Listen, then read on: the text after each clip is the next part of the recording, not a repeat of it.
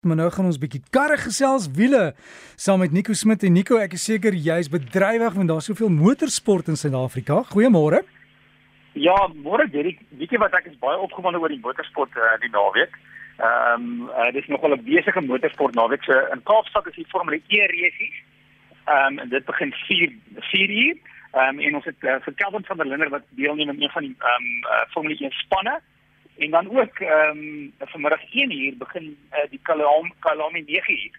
En daar is ook 'n Suid-Afrikaner Sheldon van der Linde, sy jonger broer wat deelneem aan die Kalami 9 uur. So as jy van motorsport hou, dan is dit 'n baie besige motorsport naweek. Nico, wanneer ons motors koop, uh die veiligheidsaspekte van die motor, ons neem dit aan as dis reg, dis 'n goeie motor, jy vertrou absoluut die vervaardiger. Maar daar seker veiligheidstoetse en dinge waarvan jy weet, né?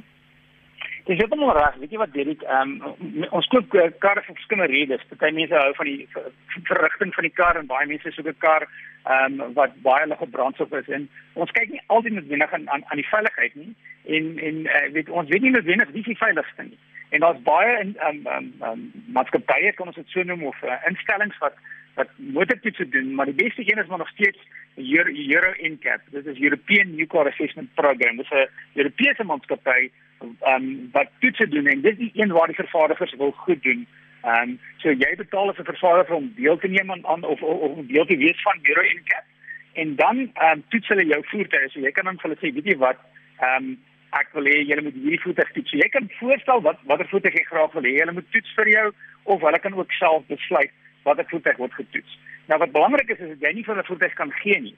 So hulle sal sê jy kom ons sê jy sê ek sê hierdie sekere model en dis een wat baie verkoop so ek wil graag hê jy moet hom hom toets.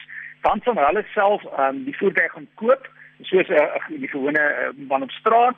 Hulle sal 'n minimum van 4 voertuie koop en dan sodra die voertuig gekoop het sal hulle vervaardiger sê weet jy wat hierdie is ons vier karre hierdie winnommers ons wil net seker maak van die spesifikasie en dan toets hulle daai vier karre. Wat hulle ook doen is hulle toets gewoonlik standaard voertuie. Ehm um, natuurlik sou dit in Europa wees en dan word die Europese standaard ehm um, spesifikasie. Ehm um, en dit word dan dit gee dan vir jou die al, al, algehele ehm um, ehm um, ster gradering van die voertuig.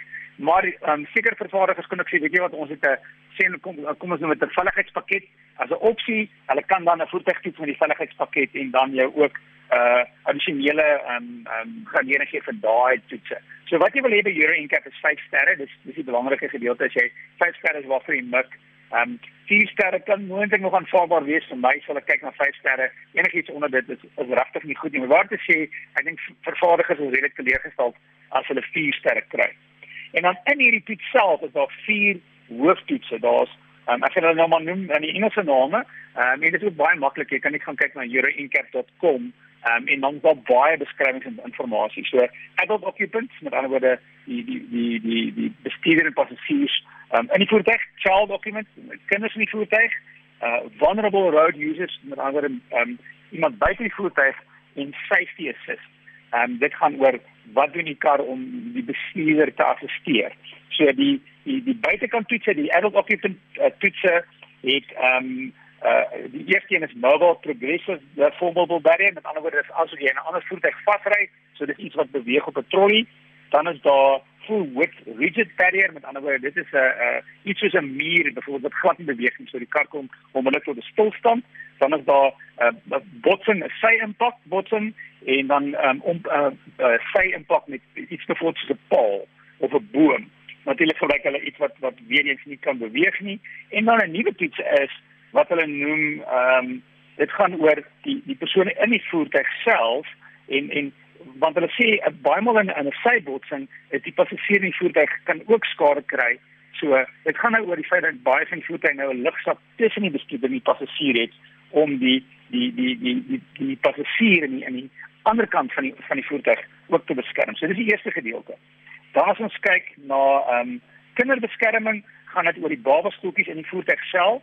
So watter tipe babastoeltjies gebruik hulle? Is dit maklik om die babastoeltjies in te pas? So die vervaardigers het baie van hulle eie babastoeltjies.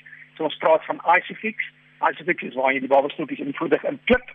Ehm um, ook hoe maklik is dit om die babastoeltjies in en uit te sit en om die die stelsel reg te kry sodat jy die babastoeltjie op die regte manier in die voertuig sit.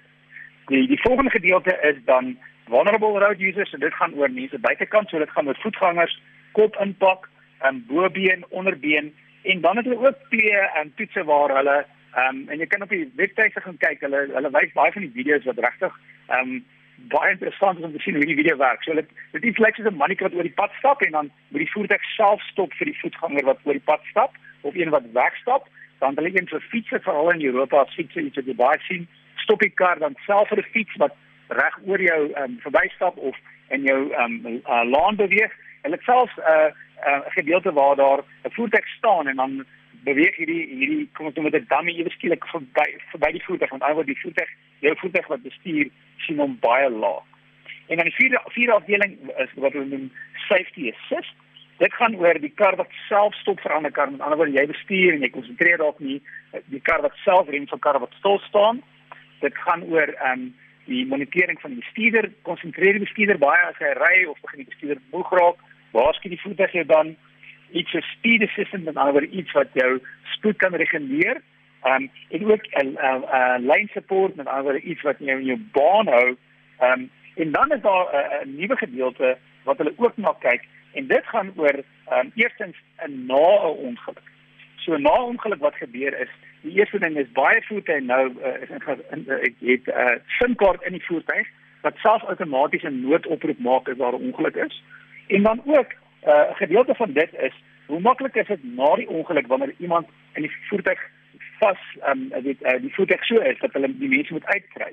Want baie vervaardigers wat hulle noem in Engels 'n rescue sheet wat wat beskikbaar is oor die internet. Met ander woorde, as jy in 'n ongeluk is en jy kom daar en sê, "O, ek weet hierdie tipe voertuig," dan kan jy na die rescue sheet toe gaan en sê, "O, dis hier knip jy die staal en daar knip jy die staal en dis die maklikste manier om die persone in die voertuig uit te kry."